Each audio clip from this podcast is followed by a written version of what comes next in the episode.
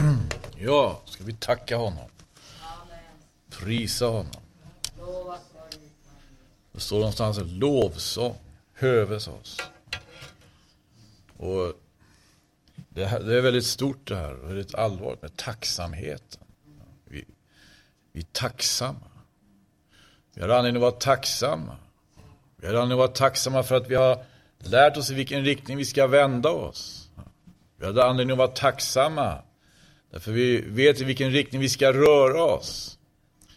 Vi har anledning att vara tacksamma och den tacksamheten eh, den får vi också lära av Gud. Det är, det är Gud som lär oss att vara tacksamma för eh, saker som kanske vi inte skulle kunna tänka oss. Vad är det står någonstans? Den mätte trampar honung under fötterna. Men den hungrige finner allt vad bittert är sött. Det är väl ett ordspråk om något. Och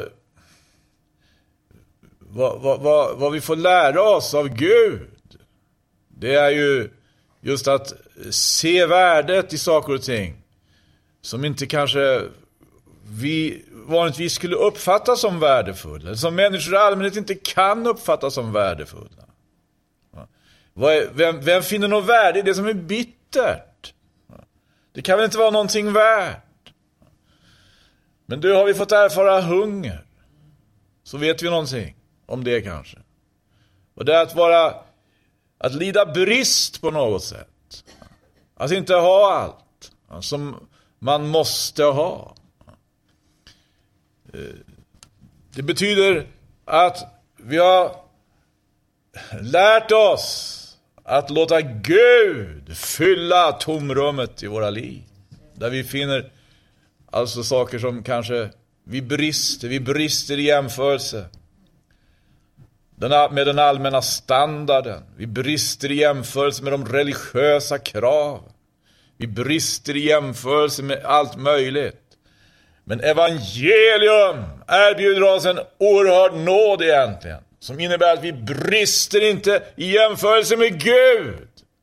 Vi brister inte i jämförelse med Jesu Kristi kors.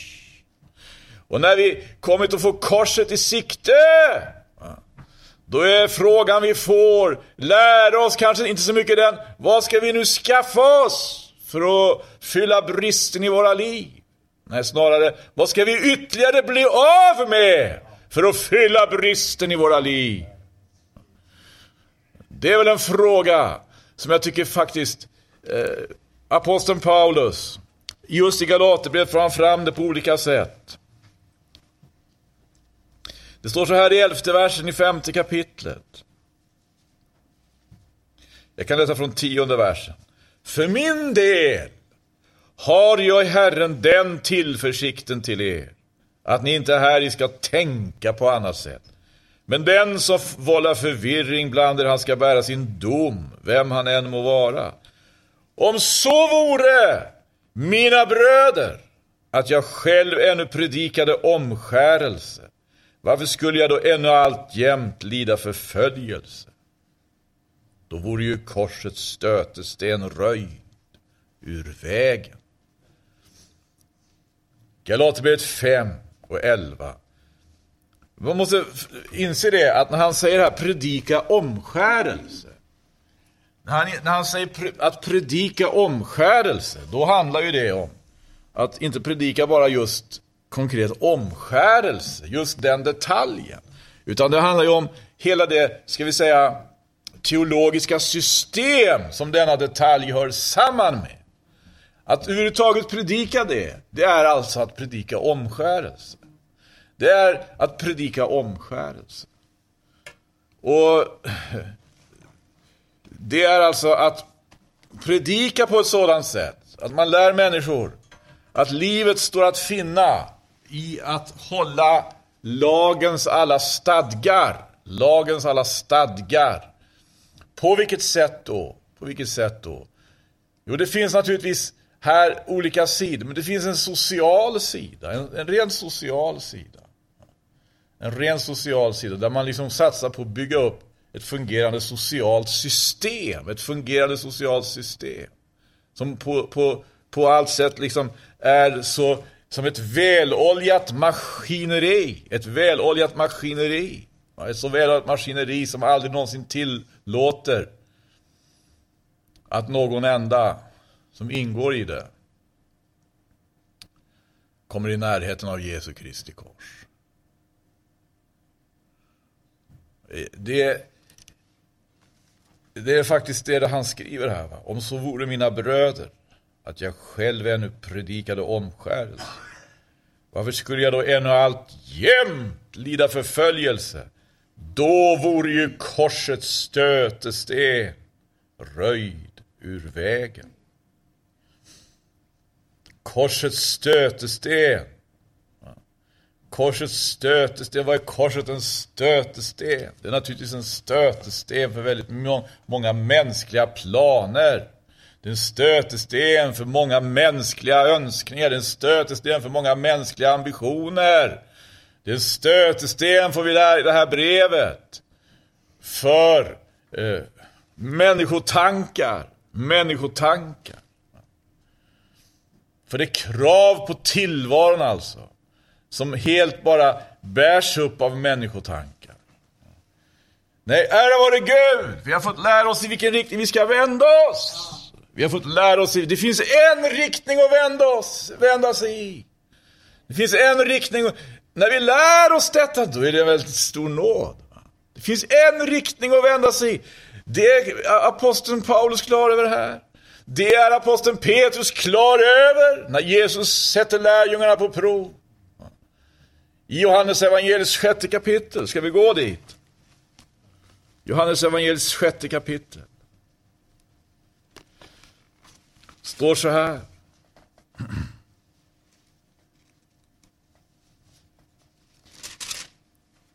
Var var vi? Han hade talat om livets bröd. Och i detta tal, så att säga, eh, så kommer han alltså i kollisionskurs med de invanda föreställningarna. Han kommer i kollisionskurs med den tradition som de människor omfattas som han har omkring. Han kommer i kollisionskurs med. Han talar om livets bröd på ett sådant sätt att till och med lärjungarna reagerar. Och han säger så här, det står så här i vers 60 Johannes 6. Många av hans lärjungar som hörde detta sa då, detta är ett hårt tal. Vem står ut med att höra på honom? Men Jesus visste inom sig att hans lärjungar knorrade över detta och han sa till dem Är detta för er en stötesten?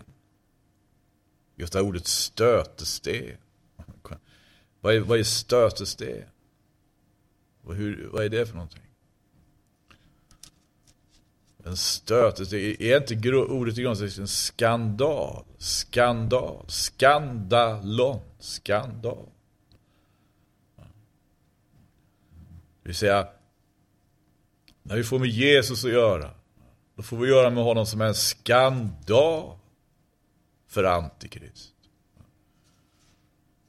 En skandal för Antikrist att någon kan vara sån. En skandal för Antikrist, att någon kan tänka så. En skandal! Är detta för er en stötelse? Vad ska ni då säga om ni får se Människosonen uppstiga dit, där han förut var? Det är anden som gör levande. Köttet är till intet gagneligt. Det ord som jag har talat till er är ande och är liv. Men bland er finns några som icke tror. Jesus visste nämligen från begynnelsen vilka det var som icke trodde. Så och vilken den var som skulle förråda honom. Och han tillade. För den skull har jag sagt er att ingen kan komma till mig om det inte blir honom givet av Fadern. För detta tals skull drog sig många av hans lärjungar tillbaka så att de inte längre vandrade med honom. Då sa Jesus till de tolv, inte vill väl också ni gå bort? Simon Petrus svarade honom, Herre, till vem skulle vi gå? Du har det eviga livets ord och vi tror och förstår att du är Guds helig. Herre, till vem skulle vi gå? Är det, är det också din fråga? Då har nåden utfört ett verk i ditt liv. Då har nåden utfört. Men är, du, är, är den här frågan fjärran ifrån dig? Så att du tycker, det finns väl ingen problem vart jag ska gå. Jag har massor av alternativ. Det enda som jag inte riktigt förstår det är att jag sitter här. Då, då har nog nåden inte kommit så långt. Men du! Herre! Till vem skulle vi gå? Du har det eviga livets ord. Är det vår fråga? Må Gud, Gud giva att det är det. Herre, till vem skulle vi gå? Du har det eviga livets ord. Och vi tror, jag tror och förstår. Vi tror, säger han här. Va? Vi tror, han gör sig till talesman för hela skaran. Det var det han gjorde, den här mannen. Ibland så var han verkligen det också. Inte alltid, men för det mesta, pris Gud.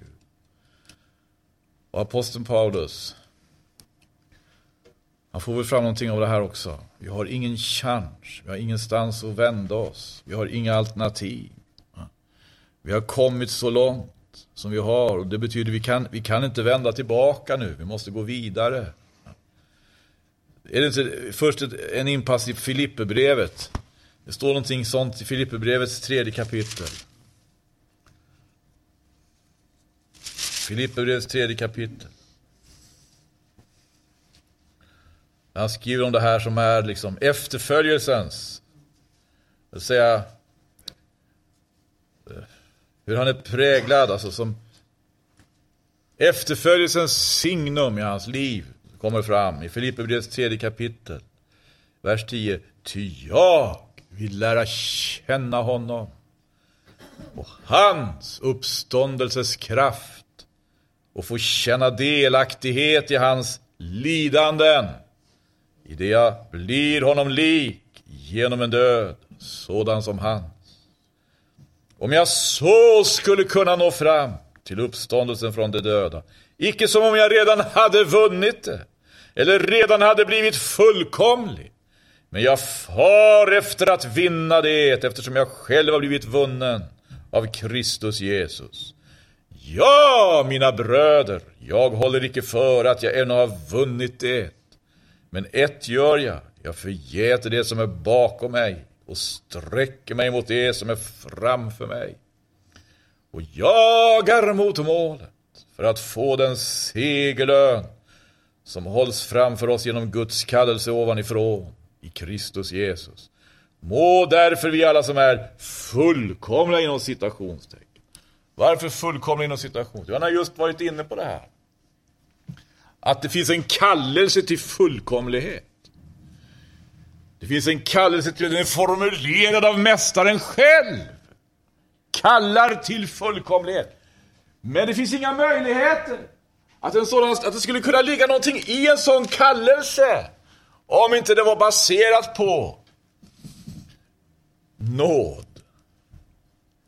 När det är baserat på nåd, då finns det skäl att tala om att det finns en kallelse till fullkomlighet. Men om det skulle vara baserat på lag, så finns det inga möjligheter. Lagen kan visserligen vittna om en fullkomlighet, att det finns en fullkomlighet, men kan aldrig någonsin kalla till fullkomlighet. När, om lagen skulle vara instrumentet, så att säga, för en kallelse till fullkomlighet, så ska vara det råaste och mest sadistiska som vi överhuvudtaget skulle kunna råka ut för. För lagen har som sådan alltså en, eh, en brist. Och det, om det inte kommer inte fram på något annat sätt så kommer det ju fram i Mose undervisning, i Mose ord, när han i Slutet av femte Mosebok säger någonting om det.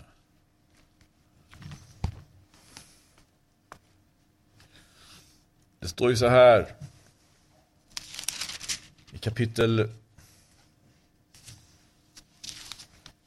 femte Mosebok.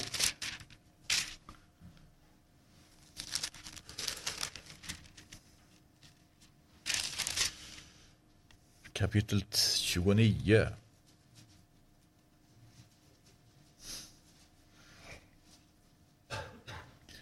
Och i vers 29 där. Vad som ännu är fördolt hör Herren vår Gud till. Men vad som är uppenbart, det gäller för oss och våra barn till evig tid. För att vi ska göra efter alla denna lags ord. Vad som ännu är fördolt hör Herren vår Gud till. Någonting som ännu är fördolt. Men någonting som redan är uppenbarat. Det fanns någonting som redan var uppenbarat. Och så var det någonting som var ännu fördolt. Men det säger alltså att lagen kan tala om saker och ting. Visst kan den det. Den kan vittna om fullkomlighet. Men förmår inte på det sättet. Som nåden, som vår Herre Jesus Kristus förmår föra människor till full... Han, det finns en kallelse till fullkomlighet. En kallelse till full... Men den fullkomligheten, alltså, eh, den blir väldigt lätt missförstådd. Den blir väldigt lätt missförstådd. Det, det är liksom, det eh, finns ju ingen, naturligtvis inget utrymme för mänsklig högfärd i den fullkomligheten. Eller högdragenhet. Det finns naturligtvis inget utrymme för fräckhet i den fullkomligheten. Eller ondska. Eller högmod. Allt sånt. Alltså det handlar ju om ett fruktansvärt missförstånd. Det finns en kallelse i självaste bergspredikan. Säger Herren det. Gör inte det? Var för den skull ni fullkomliga. Så som er himmelske fader är fullkomlig och här i Filipperbrevet så är aposteln Paulus inne på just det här. Att eh, redan ha vunnit något, eller redan ha blivit fullkomlig. Men vittnar här klart och tydligt om att fullkomligheten, det är ju ett Guds verk. Det är ett Guds verk. En fullkomlighet som hela Bibeln vittnar om. Varje blad kan man finna någonting. Ett, en fullkomlighet som inte baserar sig på någonting annat än att eh, evangelium har fått utrymme i våra hjärtan. Att evangelium, att vi har kommit inom evangeliets hörhåll. Att Gud har börjat handla i överensstämmelse med det glada budskapet om Jesus Kristus. Att Gud har börjat handla på ett sådant sätt att aposteln som skriver här i Filippa han kan skriva så här. Må därför vi alla som är fullkomliga inom citationstecken. Alltså vi är på väg, vi är på väg. Ha ett sådant tänkesätt. Men om så är att ni i något stycke har andra tankar så ska Gud också däröver giva er klarhet. Dock, så vitt vi redan har hunnit något framåt så låt oss vandra vidare på samma väg. Så vitt vi redan har hunnit något framåt så låt oss vandra. Har vi hunnit något framåt så har vi kommit någonstans i närheten då av den så att säga, position som Simon Petrus hade eh, intagit. Herre, till vem ska vi gå? Herre Jesus, till vem skulle vi gå? Du har det eviga livets ord.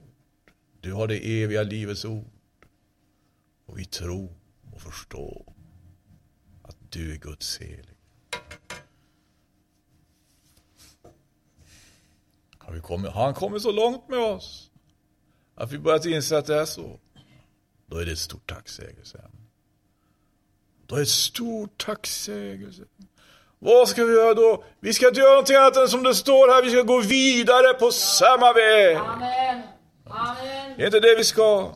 Vi ska gå vidare på samma väg. Och är inte det att vara hans efterföljare? Gode Gud. Nu, nu ska vi sitta lite mer i Galaterbrevet här. Ska vi se. Hur, hur aposteln Paulus får fram just det här. Vi har inget alternativ. Vi har inget val. Har vi kommit hit, har vi kommit så långt, så måste vi gå vidare på samma väg.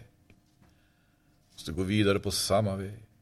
I sjätte kapitlet i Galaterbrevet står det så här, i fjortonde versen.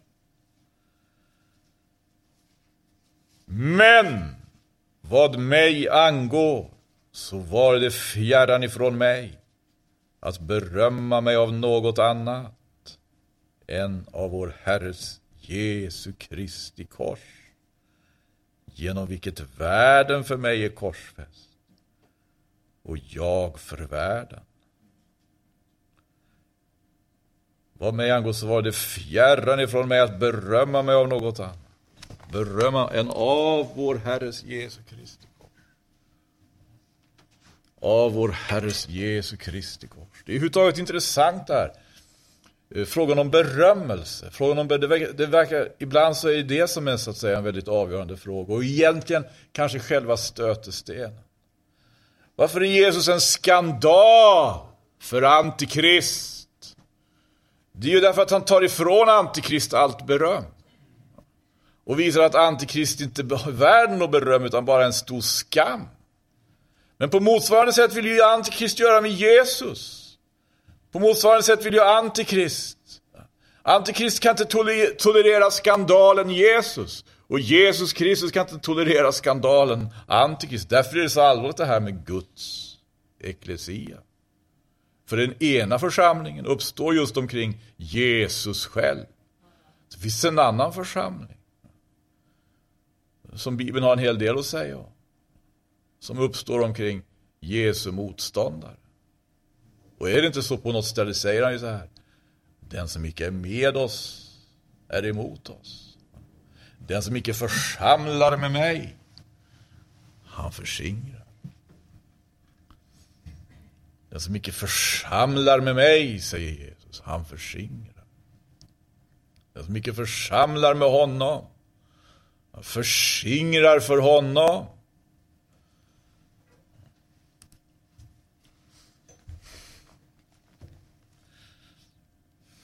Gode Gud.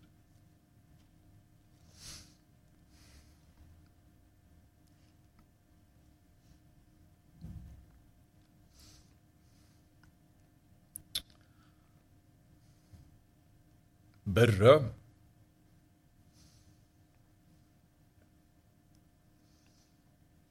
Vad är det? Vad är det frågan om? Vad är det för beröm som är eftersträvansvärt. När han, både i Romarbrevet eh, och här i Galaterbrevet talar om det här som Gud har utfört och vill utföra i våra liv. Så i överensstämmelse med det glada budskapet. Det glada budskapet.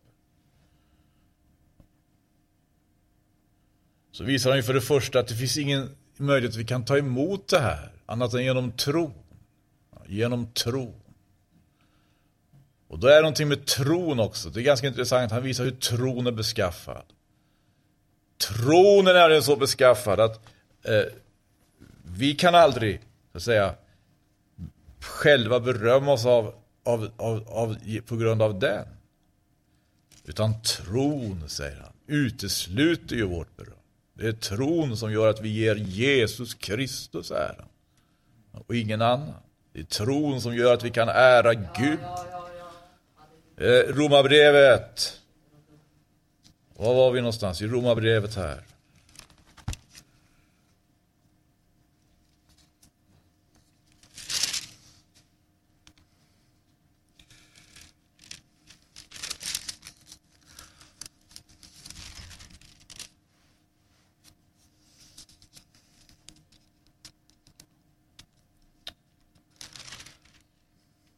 står så här i 27 versen.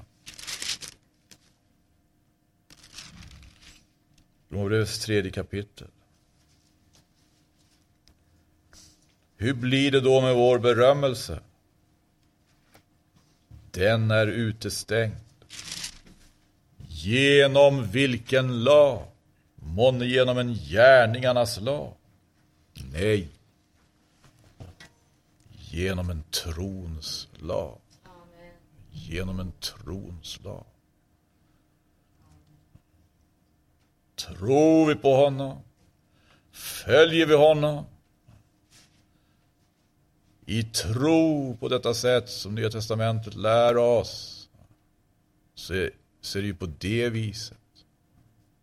Vi ger honom ära. På det viset och inte på något annat sätt. Och om vi själva på något vis skulle vinna någon berömmelse, skulle vi vinna någon verklig berömmelse på trons väg, någon berömmelse som är värd att säga det här är verkligen berömvärd. Ja, då är det ingen annans berömmelse än hans. I just det här är det som finns i de här orden. Mig, vad mig angår så var det fjärran ifrån mig. Att berömma mig av någonting annat än av vår Herres Jesu Kristi kors. Genom vilket världen för mig korsfäst. Och jag för världen. Det vill säga, det är hans lov. Det är till hans pris. Det är hans berömmelse. Men om jag vinner någon berömmelse genom att ha den här inställningen, ja då är det i alla fall hans berömmelse. Det är hans berömmelse. När, när det inte finns något annat alternativ för oss har ha, ha, ha vi kommit dit. Att vi inte kan vända oss, vi, vi kan inte vända oss någon annan riktning. Vi har fått lära oss i vilken riktning vi ska vända oss. Vi gör det. Herre, till vem skulle vi gå? Du har det eviga livets ord. Du, och vi tror och förstår att du är Guds sel. Har, han fått utföra ett sånt verk i våra liv? Att vi är klara över det. Det finns ingen annan att gå till. Det finns ingen annan att vända sig till. Det finns inga alternativ. Vad mig angår så var det fjärran ifrån mig att berömma mig av något annat än av vår Herres Jesu Kristi kors, genom vilket världen för mig är korsfäst och jag för världen. Står det klart för oss? Det stod klart för dem. Det stod klart för dem. Och det är deras undervisning. Vi har eh, tillgång till här. Och det är deras, så att säga, hopp som vi också därmed har möjlighet att informera oss om.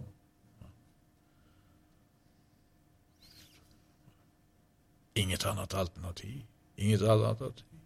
Har vi kommit så långt? Har vi kommit så? Har han fått utföra ett verk i våra liv? Gode Gud.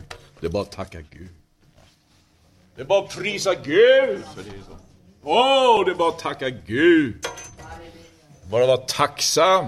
Tacksam för att han är verksam. Tacksam för att han har fått styra våra fötter in. På den rätta vägen, på den goda vägen, på fridens väg. Hoppas att det här fortsätter. Hoppas vi inte på något sätt sviker. Hoppas vi. Det enda vi kan göra då, vad är det? Det enda vi kan göra är att gå vidare. Det enda vi kan göra är att gå vidare. Gör också som det heter på ett ställe. Medan vi har tillfälle ska vi göra vad gott är mot var man. Och särskilt mot dem som är våra medbröder i tro. Må vi alltså medan vi har tillfälle. Och innan dess, vad säger han då? Att vi inte ska förtröttas att göra vad gott är. Gå vidare på samma väg. Icke förtröttas att göra vad gott är. Nej, det här måste vi läsa som det står. Står i Galaterbrevet.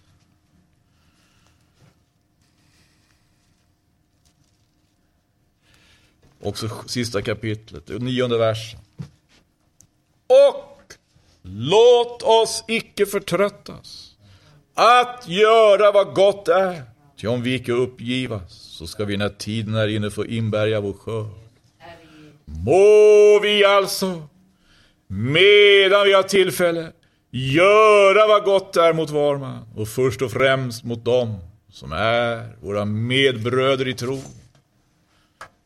Våra medbröder i tro. Det finns en riktning. Det finns en inriktning. Gode Gud. Det handlar om efterföljelse. Det handlar om att vara hans lärjungar. Det handlar om att inte ha något annat alternativ än vad då? Än att vara tacksamma. Att vara tacksam det verk han har utfört och vill ut. Då ska vi stå upp och prisa honom, tacka honom tillsammans. Ja. Innan vi läser ytterligare någonting här. Led i bön och tacksägelse Ja, Halleluja. Halleluja. Halleluja. Och Jesus, vi prisar dig. Vi tackar dig. Halleluja. Halleluja shintabadana. Vi ber dig.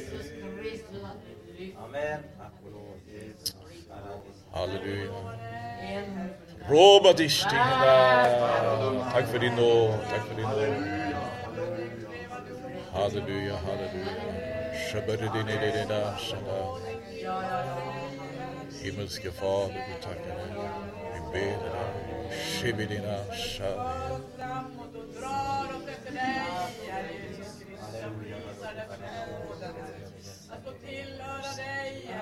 Ja, vi tackar dig.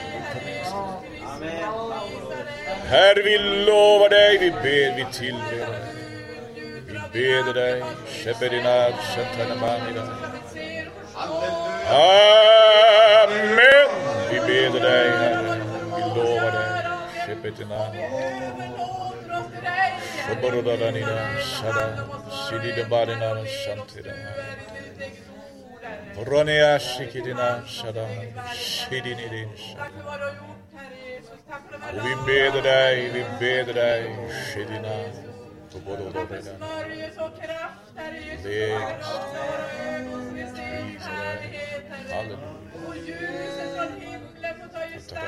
Jag lovar dig.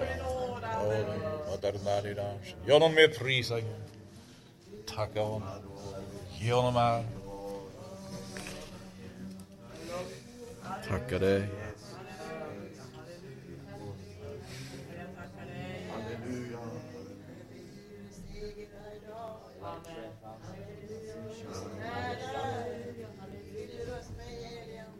Amen, amen, amen.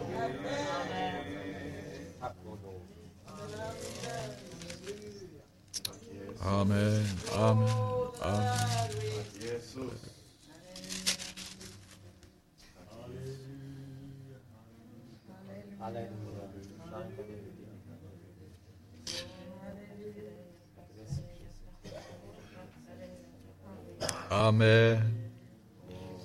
Ja, varsågod och sitt hörni. Alltså, det stod så här. Dock, i Filipperbrevet igen, så vitt vi redan har hunnit något framåt, så låt oss vandra vidare på samma väg. Visst är det här allvarligt. Visst är det här stort. En väg, en väg, en väg. Jag har kommit, jag har kommit några steg på vägen. Och det var, här, det var, ju, då, det var ju det allvarliga i just Galaterförsamlingen. Man hade börjat bra. Man hade börjat bra. Det står så, ni begynte ert lopp väl. Vem har nu lagt hinder i er väg så att ni inte mer lyder sanningen? Om vi har begynt vårt lopp väl, om vi har börjat gå en väg och Jesus själv säger att han är den vägen. Han säger han är vägen och sanningen och livet. Och ingen kommer till Fadern utom genom honom. Har vi börjat gå den vägen, och då vet vi att då har vi fått med honom att göra. Har vi börjat gå den vägen däremot och börjat gå, men sen har stött på något hinder, stött på något hinder, då har alltså någonting kommit emellan honom och oss. Det var ju det här som var så allvarligt i Galaterförsamlingen. Att någonting hade kommit emellan. Någonting hade kommit emellan församlingen och dess herre, församlingen och dess huvud. Någonting hade kommit emellan.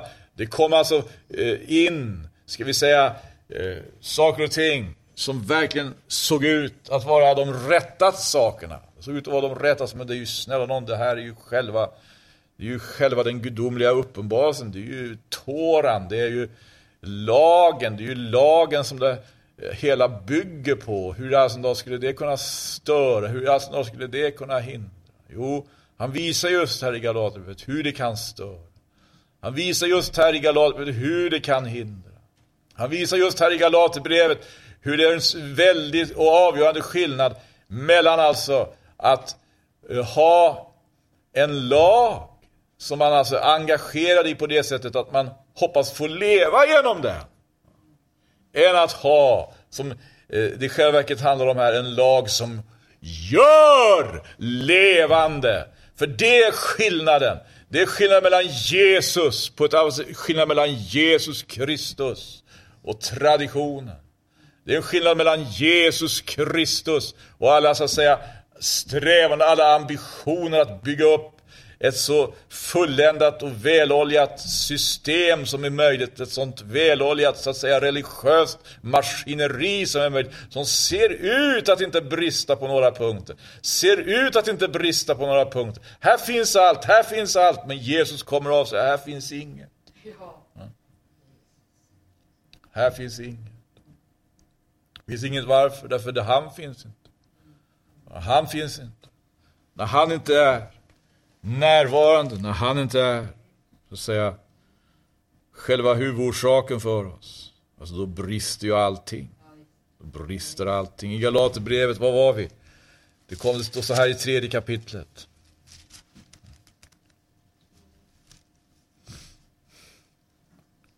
Han talar om evangelium här. Han talar om vad som hör evangelium till. Så, så är det uppenbart att han, vill, han är angelägen om att lyfta blicken hos att var och en förstår att lyfta blicken till vad evangelium kommer med. Evangelium erbjuder någonting högre. Erbjuder någonting högre. Han kallar det för då? Han kallar det för löftet. För att vi ska få syn på löftet så måste han påminna om löftet. Och det, det, är just det här löftet som han skriver om i tredje kapitlet. Och det heter så här, till exempelvis i 21 versen. Är då lagen emot Guds löften? Bort det!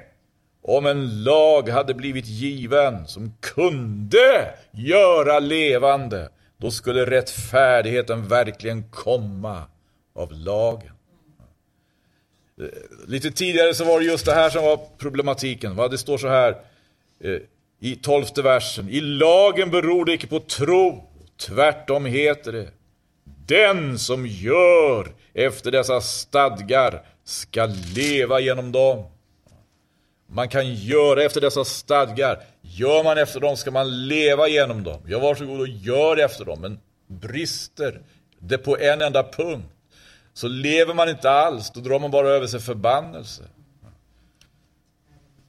Och här, här står det alltså om en lag hade blivit given som kunde göra levande, då skulle rättfärdigheten verkligen komma av lag. En lag ha, har blivit given. En lag har blivit given. Det finns ett erbjudande att göra efter dess stadgar. För att leva genom dem för att leva genom dem. Men det ledde till en stor katastrof, en stor syndakatastrof. Det ledde gång på gång till en stor synda, en stor katastrof och tragedi. Som på något sätt måste, måste ske någonting, någon, någon måste ta itu med det. Den enda åtgärden som fanns, den enda lösningen som fanns, det var att Gud sände sin son och lät honom bli en förbannelse för vår skull. Det var det enda. Kristus friköpte oss från lagens förbannelse. När han blev en förbannelse för vår skull. Det är ju skrivet förbannade var och en som är upphängd på trä. Alltså är han det enda alternativet. Alltså ligger det väldigt mycket i då det som Simon Petrus säger. Herre, till vem skulle vi gå? Du har det eviga livets ord. Alltså ligger det väldigt mycket i det som aposteln Paulus skriver. Vad mig angår så var det fjärran ifrån mig att berömma mig av något annat än av vår Herres Jesu Kristi kors. Har vi kommit dit? Är vi där? Är vi i närheten? Tagit några steg på vägen. Låt ingenting hindra oss att gå vidare. Må Herren hjälpa oss att inget hindrar. Må Herren hjälpa oss. Att ingenting hindrar gå vidare. Utan att vi på det sättet, så att säga, som han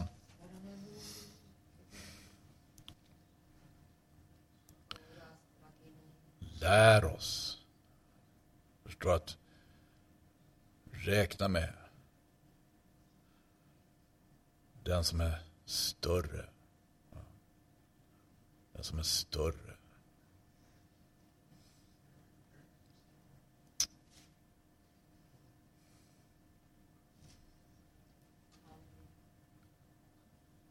Den som är större.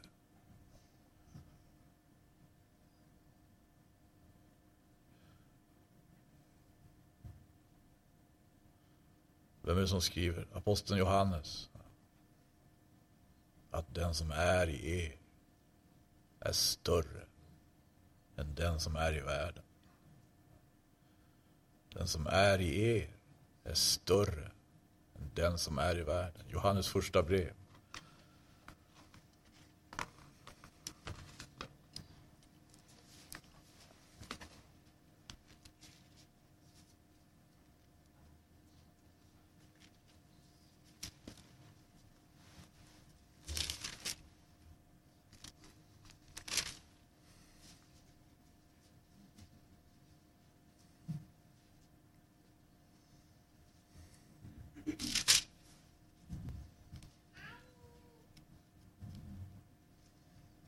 Var har vi det ordet någonstans? Det är första brev, så vitt jag förstår.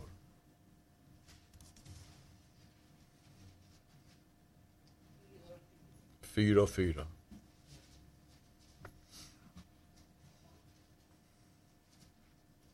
Ni kära barn, ni är av Gud och har övervunnit dessa. Ty han som är i er är större än den som är i världen. I sammanhanget så talas det just om skillnaden mellan antikrists ande och Guds ande.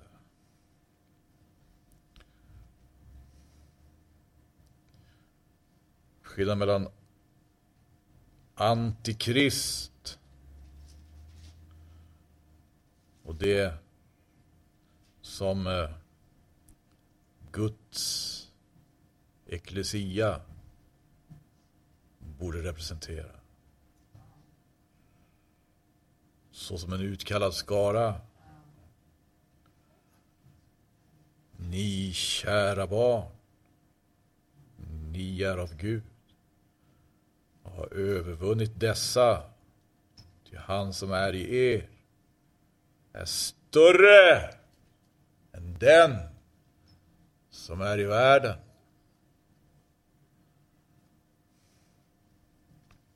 Wow, det var ju det här som de fick klart för sig. Det var ju någonting av det här som Simon Petrus fick klart för Och därför så kunde han också hålla fast vid honom. Herre, till vem skulle vi gå? Du har det eviga livets ord. Det var det här som aposteln Paulus fick klart för sig. Och därför så betydde det för honom allt. Vad mig angår så var det fjärran ifrån mig att berömma mig av något annat än av vår Herres Jesu Kristi kors, genom vilket världen för mig har blivit korsfäst och jag för världen.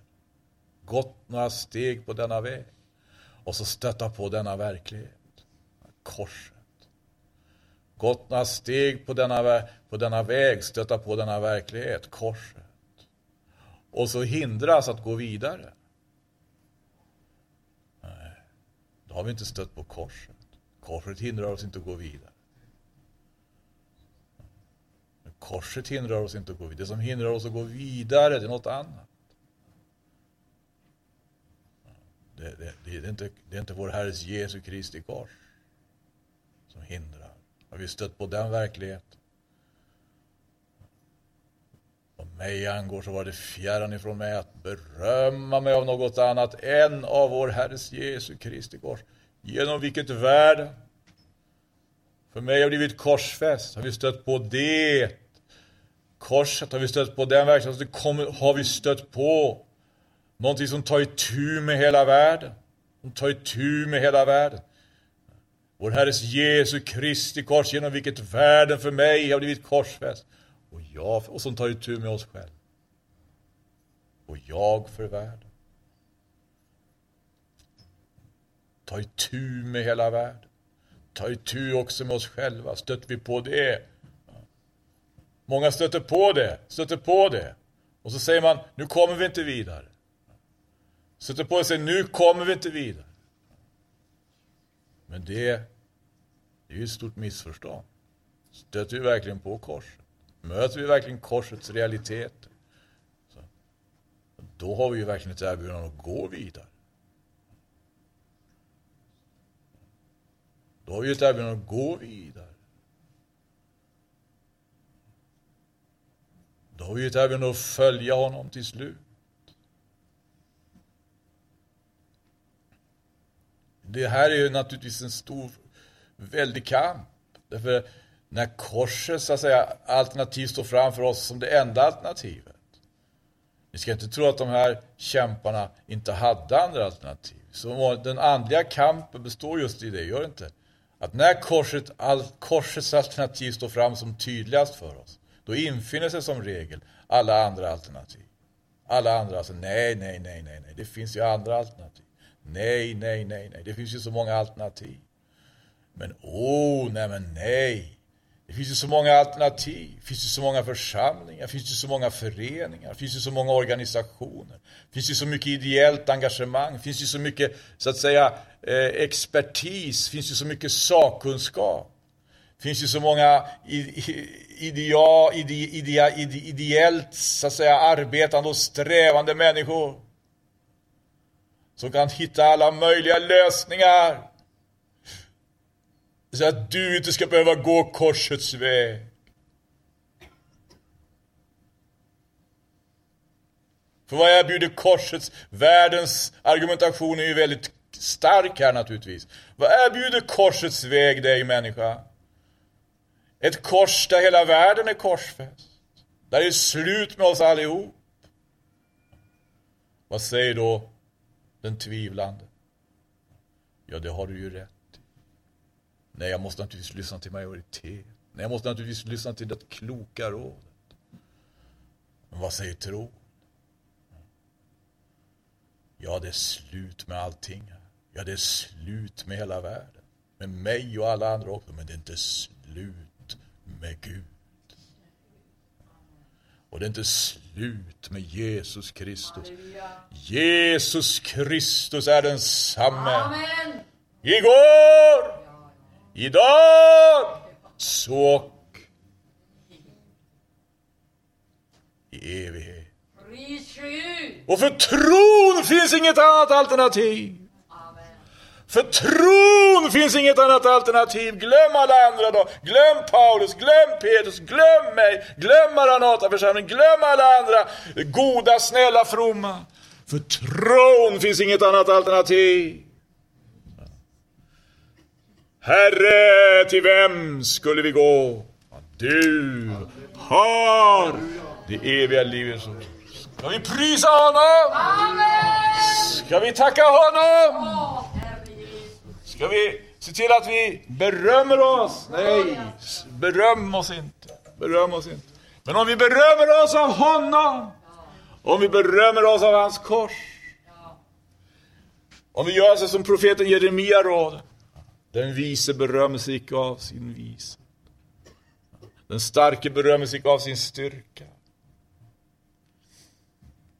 Den skicklige berömmer sig icke av sin skicklighet, men den som vill berömma sig. Han berömmer sig då av att han har förstånd till att känna mig. Att jag är Herren som gör nåd, rätt och rättfärdighet på jorden. Herre, till vem skulle vi gå? Gud i himlen. Ja. Vi tackar honom, vi prisar honom. Gode Gud, hjälp oss. Galaterbrevet, det är ju faktiskt frågan om att visa på vad tron är. På så sätt, trons. Den avgörande roll som tron spelar i våra liv. Genom tron får vi tag i, hörru. Vad Gud ger, genom tron får vi tag i. Vad Gud, genom evangelium, erbjuder. Ta vara på det erbjudandet. Var tacksamma för det. Följa, inte låta någonting säga, hindra.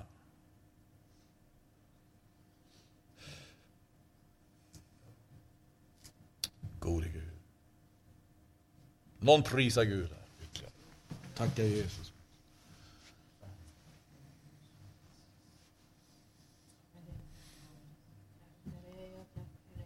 Tack Herre, älskar dig Jesus att du har gett denna frälsande tro. Tack för att eh, du har dött korset för oss allesammans. Och tack för att, eh, att, eh, att du är här mitt ibland oss. Och tack för ordet. Och tack för att du är uppstånden och lever här Jesus, våra hjärtan Jesus. Tack för att det som är oss är starkare än den som är i världen. Tack för att du har gett den helige Ande Jesus. Tack för din nåd och din kärlek Jesus. Vi prisar ditt underbara namn Jesus. Tack för att du är konungarnas konung och du är herrarnas herre. Och du har all makt i himmelen och på jorden. Tack och lov och pris. Tack för att du kommer snart Jesus och hämtar den skara som, som du har sökt i korset i ditt dyrbara blod. Tack för att vi får vara frälsta i ditt blod Jesus. Och tack för den helande kraft som är verksam just nu. Tack för att dina sår finns läkedom och hälsa. Vi prisar ditt namn. Låt tecken och under ses i Jesu namn. Amen. Amen. Amen. Vilken tron. Det, verkligen en stor gåva. Ja. Den mätte trampar honung under fötterna. Men den som har tro på Gud, de som bara som ett senapskorn. Som vet vad det är att hungra. Att vara en av de som hungrar och törstar efter rättfärdighet. Kan vara i stånd att finna allt vad bittert är sött. Det är ju sött det här bitter.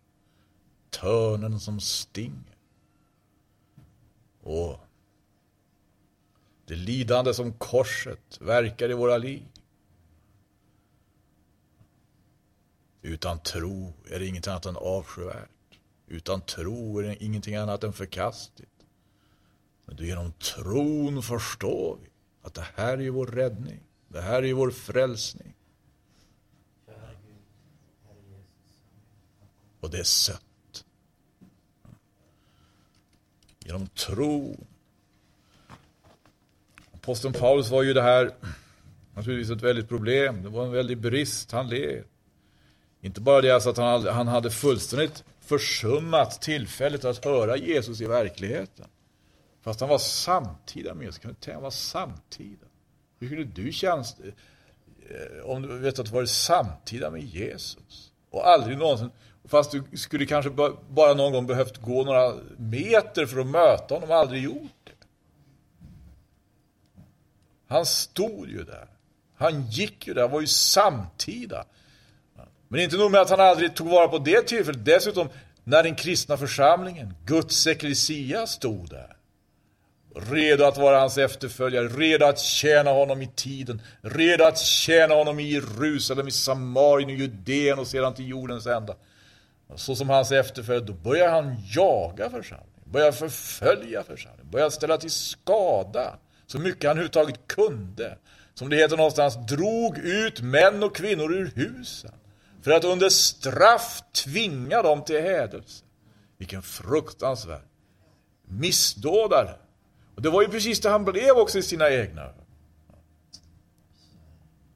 Han hade verkligen inte fattat vad det var som hans samtid hade fått att göra. Och han hade själv liksom gjort sig till någonting av själva så att säga spjutspetsen i kampen mot, som han själv säger, jag för min del menade jag att jag med all makt borde strida mot Jesus, Nazarens namn. Tänk att man kan bli så sinnad. Tänk att man fyllas av, en sån, av ett sådant så hat. Av en sån han var ju nitisk. Han byggde ju sin nit på Tora och på det äldste stadgar. Han byggde sin nit. Jag för min del menade att jag med all makt borde strida mot Jesu Nazarens namn. Och sen så var han plötsligt där, på vägen, på Damaskus väg, på förföljarens väg. Helt till inte gjord, han var blind, han kunde inte resa sig själv. Han hade mött honom. Han hade sett honom. Han hade ingen berättelse som de andra apostlarna hade. De hade varit med Jesus, sett honom, hört honom, lyssnat vad han hade att säga, kunde skriva om detta också. Eller uppdrag åt andra att skriva om vad som skedde där och där, vad som skedde då och då. Vad hade Paulus för berättelse? Han hade, för det första hade han alla sina försummelser, för det andra hade han sin tid som förföljare. Gud i himlen, vilken brist, vilken fruktansvärd brist. Men du så kommer den honom till mötes som fyller denna brist. Och det, på vilket sätt då? Vi ser, vi ser det här i när han, när han svarar inför konung Agrippa. Kapitel 26 i Apostlagärningarna, jag ska läsa till slut här.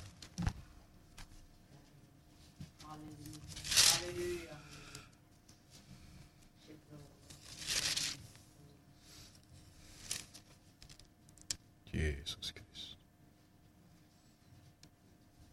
När han berättar om sin erfarenhet på Damaskusvägen, hur han föll till marken, hur de som var med honom blev förskräckta och flydde.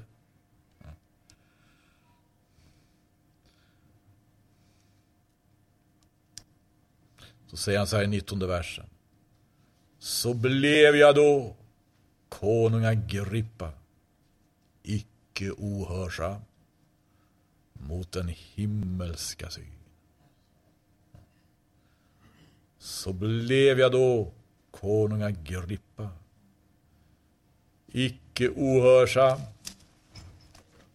mot den himmelska syn.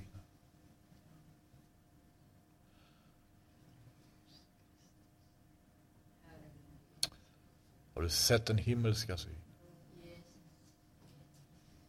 Om inte ber Gud om nåd och få se det. Ja. Du vet, en enda liten glimt av det.